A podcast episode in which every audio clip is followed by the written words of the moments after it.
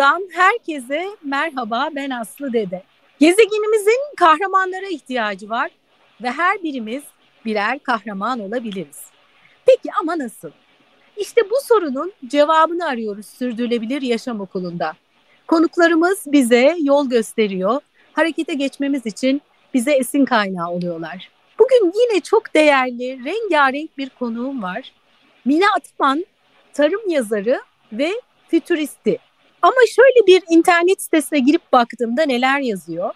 İktisatçı, arkeolog ve ekmekten bir marka yaratan, hikayesiyle ilham veren postmodern bir fırıncı Mine Ataman ve ekmeğe fısıldayan kadın olarak da anılıyor. Birçok yaptığı şey var. E, şimdi biraz sonra soracağım zaten kendisinden söz edecek ama e, Gazi Üniversitesi İngilizce Çalışma Ekonomisi Endüstri İlişkileri mezunu. Reklamcılık yapmış bir marka uzmanı, amatör arkeolog, profesyonel yelkenci, uzmanlık alanları parakende, tarım, kültürel miras ve gastronomi turizmi, Göbekli Tepe ve ekmek. Mina Hanım, bize 30 dakika yetmeyecek. Ne dersiniz? e, o kadar güzel şeylerden bahsettiniz ki e, keşke onların içerisini dolu dolu doldurabilsek. Umarım bir gün. Evet e, ama hepsininle ilgili bir şeyler yapıyorsunuz. Bugün ne konuşacağız? Bugün iklim krizinin dostları düşmanları kim? Geleceğe güzel nasıl tohumlar ekebiliriz? Biraz belki süremiz yettiğince e, metaverse ve tarım ilişkisine ve gıdanın geleceğine değineceğiz. Sizin çok güzel kitaplarınız var. Biraz onlardan da söz edeceğiz. Dolu dolu bir podcast olacak.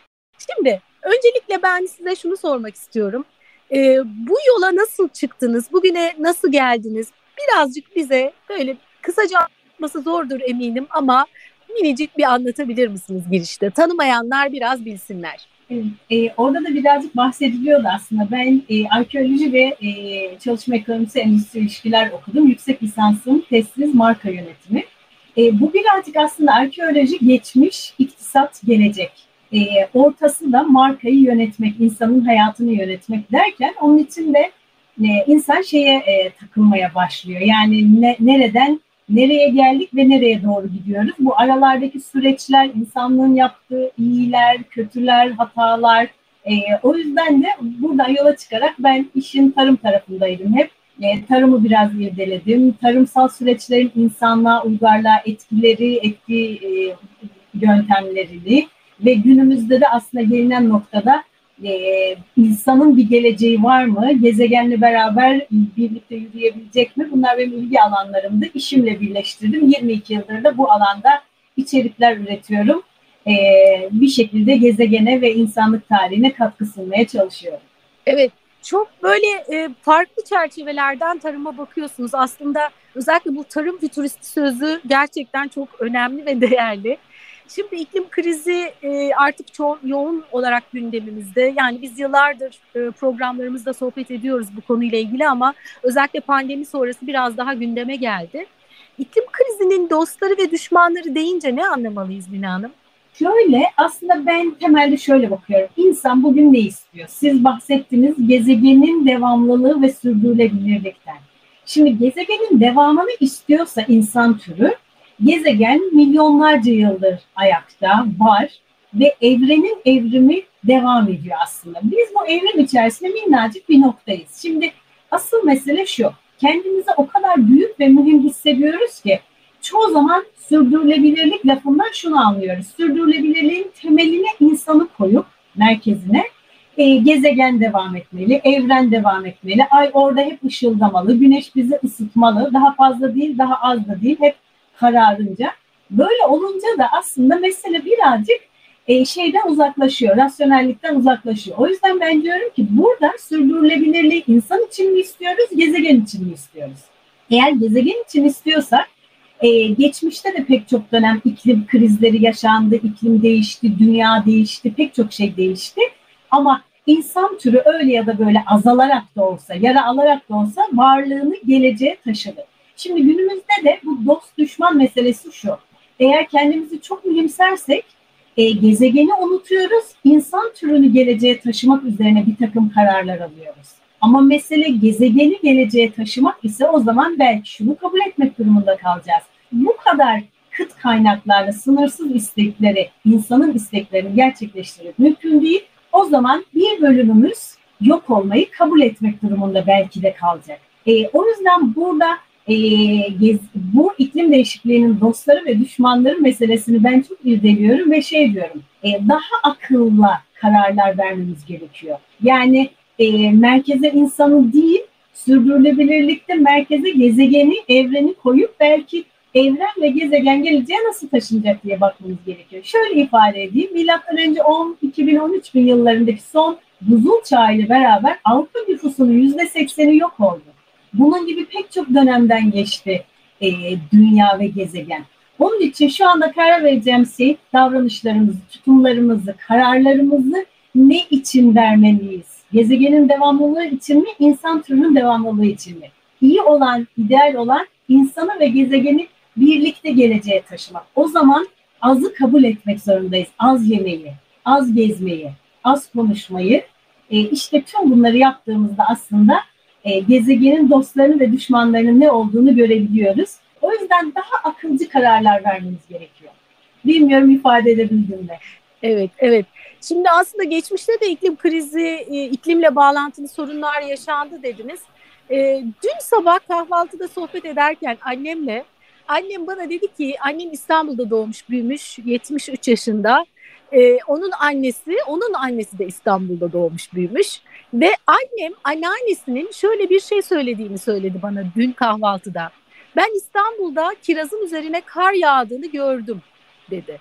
Şimdi aslında iklim krizi tabii son dönemde gündemimizde ama e, aslında geçmişe bakıldığında da sanırım iklim değişikliğiyle bağlantılı e, konular yaşanmış. Bu sözü ben duyunca birden böyle şaşırdım çünkü. Kirazın üzerine kar yağdığını gördüm dedi. Yine Aynen yani bu şöyle e, şimdi tarih ve tarım tarihi, bilim tarihi çok e, bazen bilmediğimiz zamanlarda e, bunun başımıza ilk defa geldiğini zannedebiliyoruz. Halbuki şöyle tarihe doğru ben bu son kitabımda aslında bunu yazıyorum. Tek tek böyle anlatıyorum diyorum. Yani işte İrlanda'ya patates krizi oldu. İngilizler onlara yemek vermediler. İngiltere'de iklim krizinde tahıl olmadı. Anadolu'dan tahıl aldılar. Yani o kadar çok tarihte örnekler var ki İnkalar, Mayalar, Türkler Ergenekon'dan göçme sebepleri.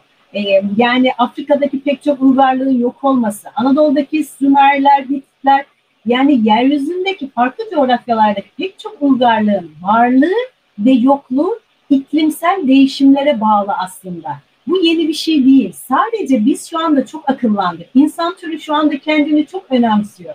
O yüzden de şöyle söylüyor. Ya bu benim başıma gelemez. Bu olamaz. Ben bu kadar çok e, kültür ve teknoloji yaratımları ortaya koymuşken bu kadar kazanımlardan vazgeçemem dediği için aslında şu anda biz ikilem yaşıyoruz. Bunların birçoğu geçmişte de yaşandı.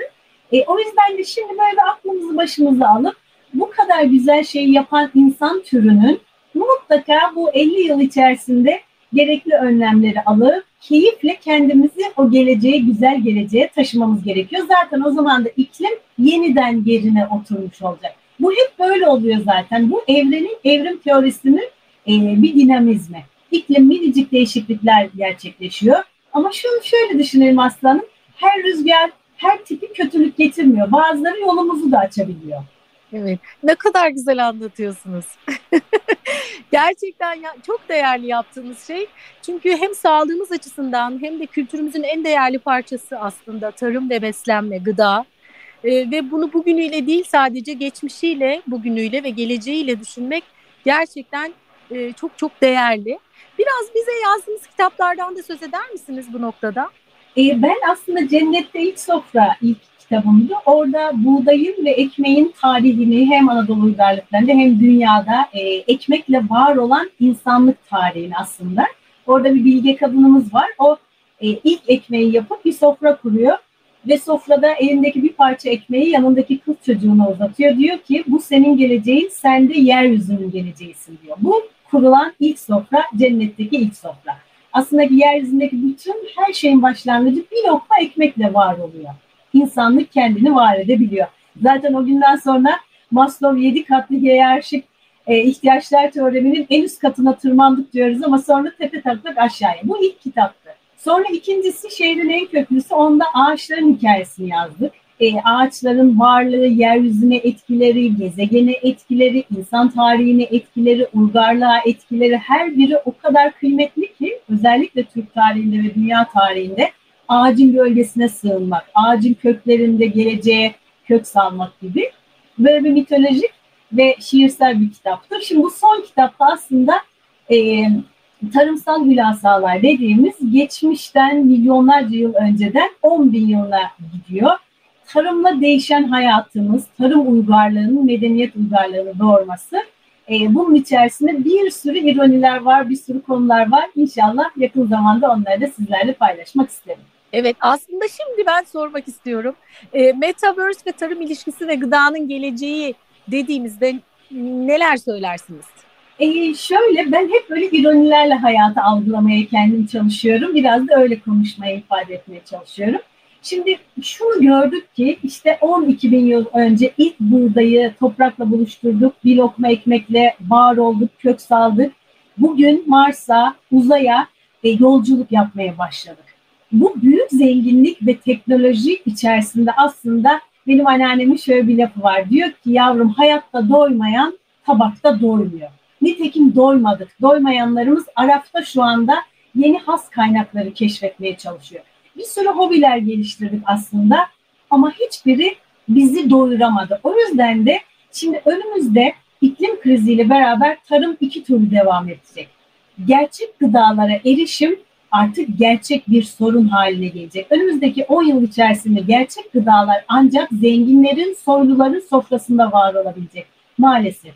Peki Yoksullar onlar gettolarda yaşarken sabahları ekmek kapını yuttuktan sonra belki öğlene e, mikrop tozuyla karınlarını doyururken ama onların da hayatta kal, hayatta kalması gerekiyor ve bir şekilde insanlıklarını yaşaması gerekiyor. İşte onların gideceği nokta Metaverse.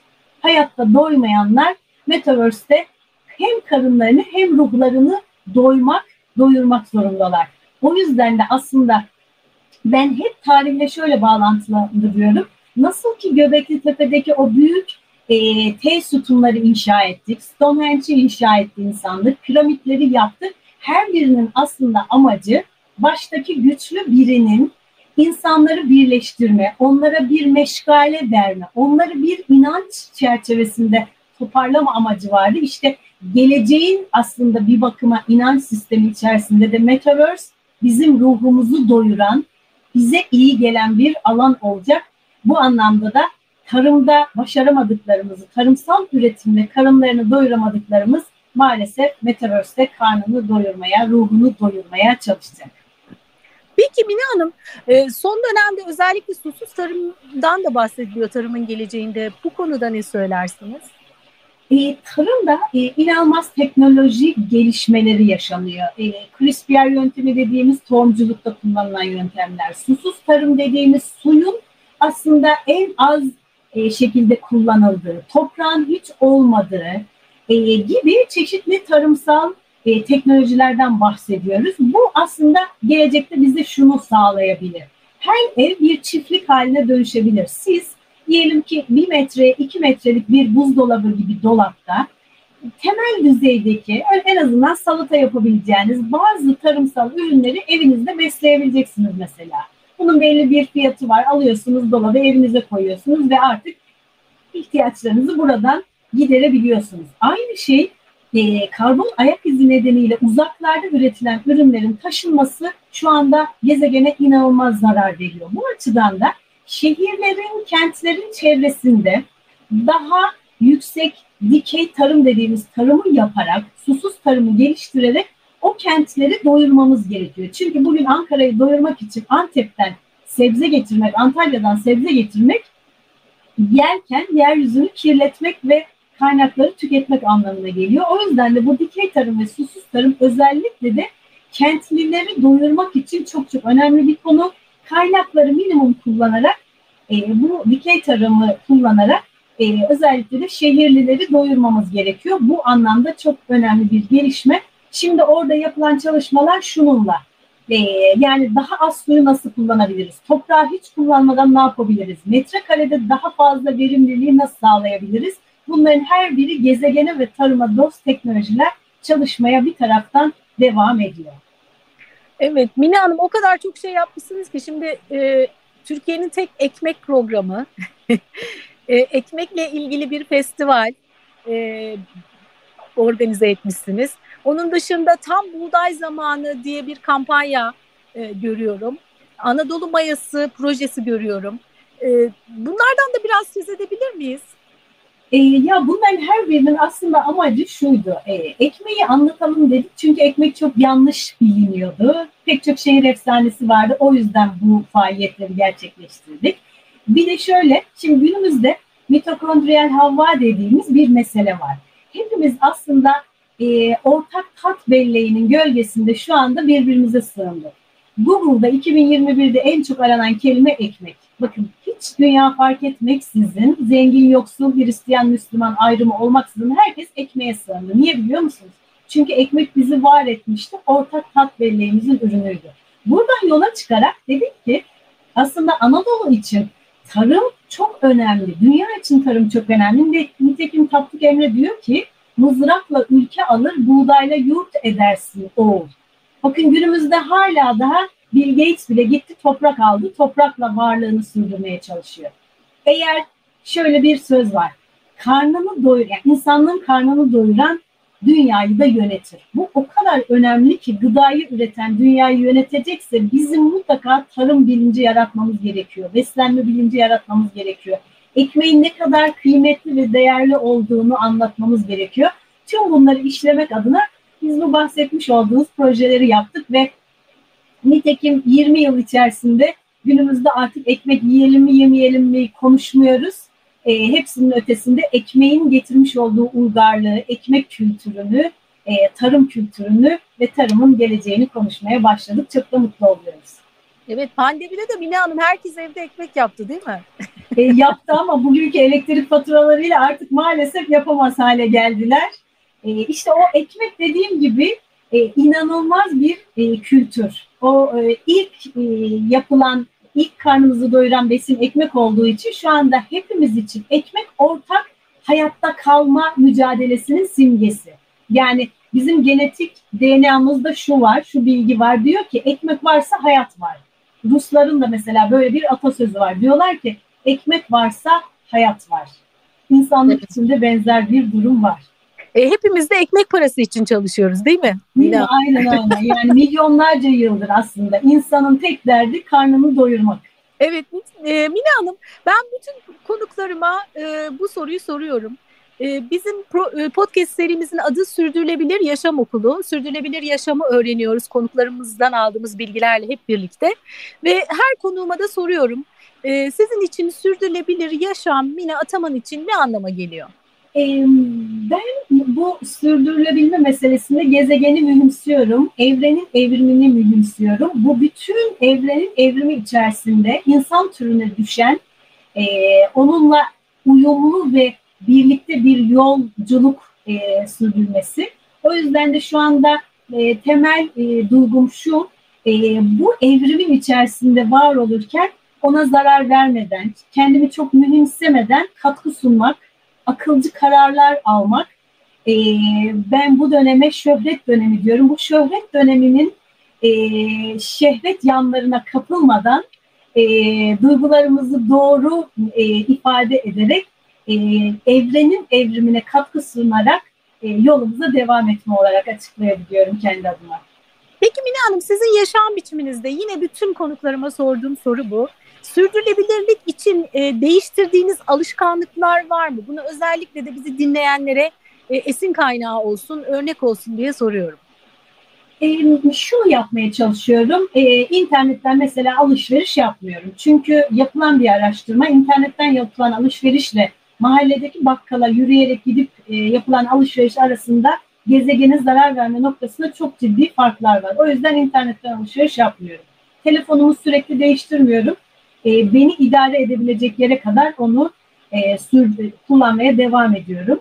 E, kıyafet çok az satın alıyorum. Var olanlarla e, kendi estetik varlığımı sürdürmeye çalışıyorum.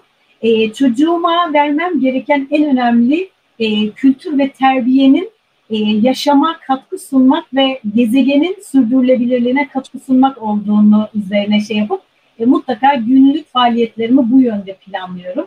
Uçağa az binmeye çalışıyorum. E, bir taraftan da dost teknoloji dediğimiz özellikle de bu tarım 5.0 noktasında ulaşabildiğim kadar çok insana ulaşıp e, dost teknolojinin aslında gezegenin sürdürülebilirliğine ne kadar katkı sunabileceğini insanlara duyurmaya çalışıyorum. Peki hemen şimdi bir de onu sorayım. Tarım 5.0 deyince ne anlamalıyız?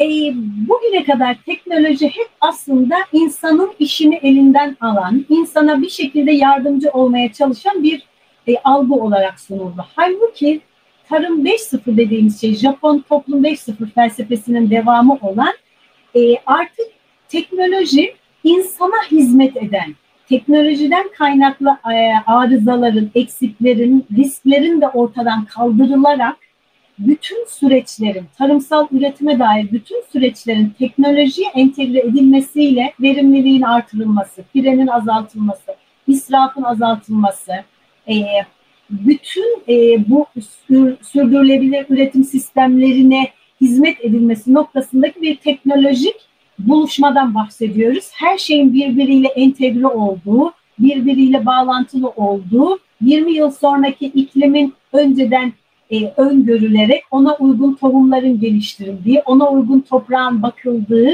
e, her şeyin ona uygun e, çepeçevre planlandığı bir sistemden bahsediyoruz aslında. Evet, peki geleceğe güzel tohumlar ekmek için e, bugün neler yapılmalı? Aslında bütün podcast içerisinde bunu küçük küçük aralara serpiştirdiniz dinleyenler için ama bir toparlamak gerekirse geleceğe nasıl güzel tohumlar ekebiliriz? Ben onu iki türlü düşünüyorum. Ben iktisat okuduğum için iktisattaki hocalarımız şey der, e, iktisada girişte. İktisat der e, rasyonel insan içindir. Yani aklıyla doğru kararları alabilen insan içindir. E, birincisi bizim artık aklımızı başımıza devşirip eskilerin deyimiyle e, akıllı, aklı başında kararlar almamız gerekiyor. Bir bu, bunu dediğim gibi altını uzun uzun doldurabiliriz. E, iki yüzlülüklerimizden bir takım maalesef iki yüzlülüklerimizden vazgeçmemiz gerekiyor.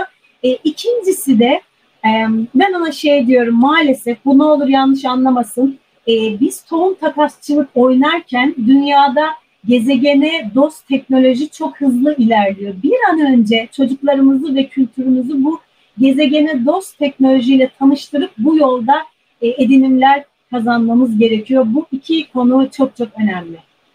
Evet, e, sizinle daha önceki e, yazışmamızda şöyle bir not da görüyorum şu anda. Ben açlık termostatı diye bir sözcükten bir e, kullanım böyle bir şey yazmışsınız.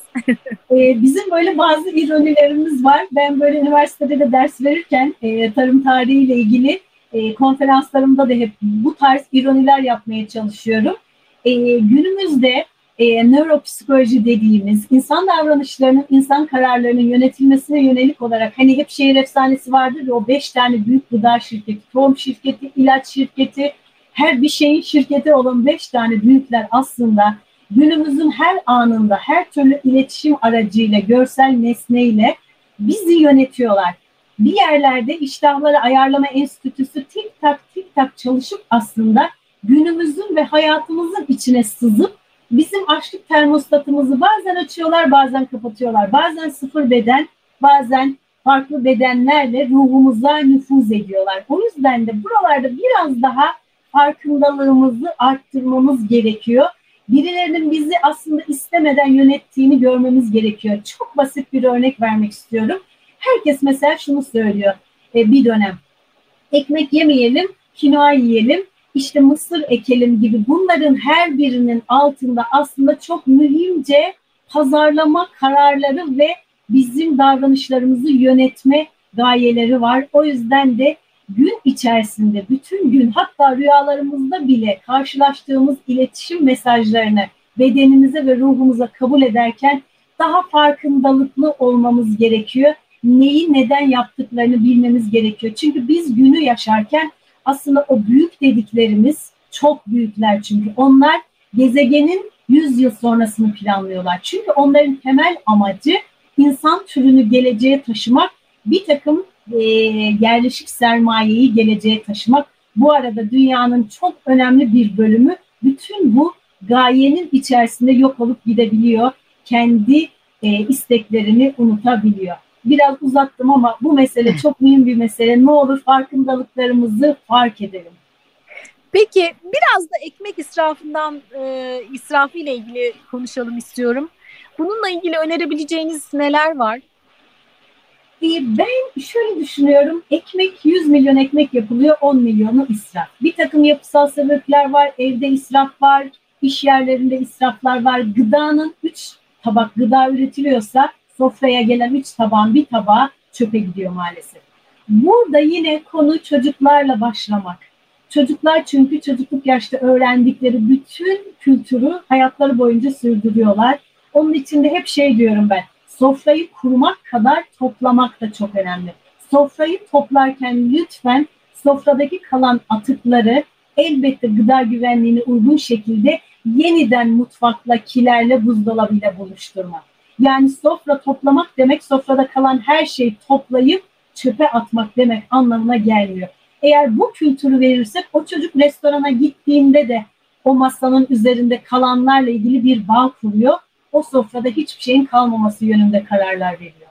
Aynı çocuk, aynı insan e, gıdalarını satın alırken de doğru kararlar veriyor. Taşırken de doğru kararlar veriyor. Fiyatla ilgili de doğru kararlar veriyor. Bütünsel olarak aslında ekmeğimize sahip çıkmak, ekmeğin ne kadar kıymetli olduğunu bilmekten geçiyor bence. Ne kadar güzel söylediniz. Bu bunu bunu tekrar altını çizmek istiyorum. Top, sofrayı kurmak kadar sofrayı toplamak da çok önemli. Gayet çok çok bunu hiç unutmayacağım. Çok güzeldi Mine Hanım. Çok teşekkür Mine Hanım peki size nasıl ulaşabilirler e, dinleyenler? Şimdi ben e, Mine Ataman İngilizce e, ekmek sözcüğü bread.com diye yani zaten e, arama motoruna Mine Ataman diye yazdıklarında size ulaşmaları mümkün. Onun dışında e, nasıl ulaşabilirler size? Şöyle ben zaten dönem dönem hep biz ton platformunu kurduk aslında. E, tarım ve gıdada doğru bilinen yanlışları e, iyileştirmek ve yerine doğru bilgiyi eklemek adına. E, Tohum platformundan ulaşabilirler, minatamambread.com'dan hiçbirini yapamıyorlarsa bir gün e, internette ekmeğe fısıldayan kadın diye yazsınlar. Yine beni bulurlar. E, e, yani amacımız 20 yıldır e, dediğim gibi aslında her yerde olmak. Konferanslar veriyoruz. Sosyal medyadan e, Mina Tamam Bread takip edebilirler. Twitter'dan, Instagram'dan, buralarda. Gittiğimiz yerlerde bizimle beraber olabilirler. Nasıl isterlerse. E, ama çok fazla karbon ayak izi üretmeden bizimle buluşsunlar. E, en kolayı hangisiyse öyle buluşalım. Peki çok çok teşekkür ediyorum verdiğiniz değerli bilgiler için gerçekten dolu dolu e, bir e, podcast oldu. Çok teşekkür ederim. Sağ olun. Hem bu bilgiler için hem de yaptıklarınız için, ekmeğimiz için, yaptıklarınız için. E, umarım ki hep birlikte ekmeğimizin peşinden koşmaya devam eder ve gezegenin sürdürülebilirliği içerisinde kendi rolümüzü bulup orada keyifle, huzurla yolculuğumuza devam ederiz. Evet bir bölümün daha sonuna geldik. Bize nasıl ulaşabilirsiniz? Sosyal medyadan Sürdürülebilir Yaşam Okulu yazarak ya da sürdürülebiliryaşamokulu.com adresinden bize ulaşmanız mümkün. Ben Aslı Dede bir sonraki bölümde buluşmak üzere demeden önce hep ne söylüyoruz? Tüm canlılarla birlikte dünyada yaşamın sağlıkla sürmesi için gezegenimizin kahramanlara ihtiyacı var ve o kahraman sen olabilirsin. Harekete geç.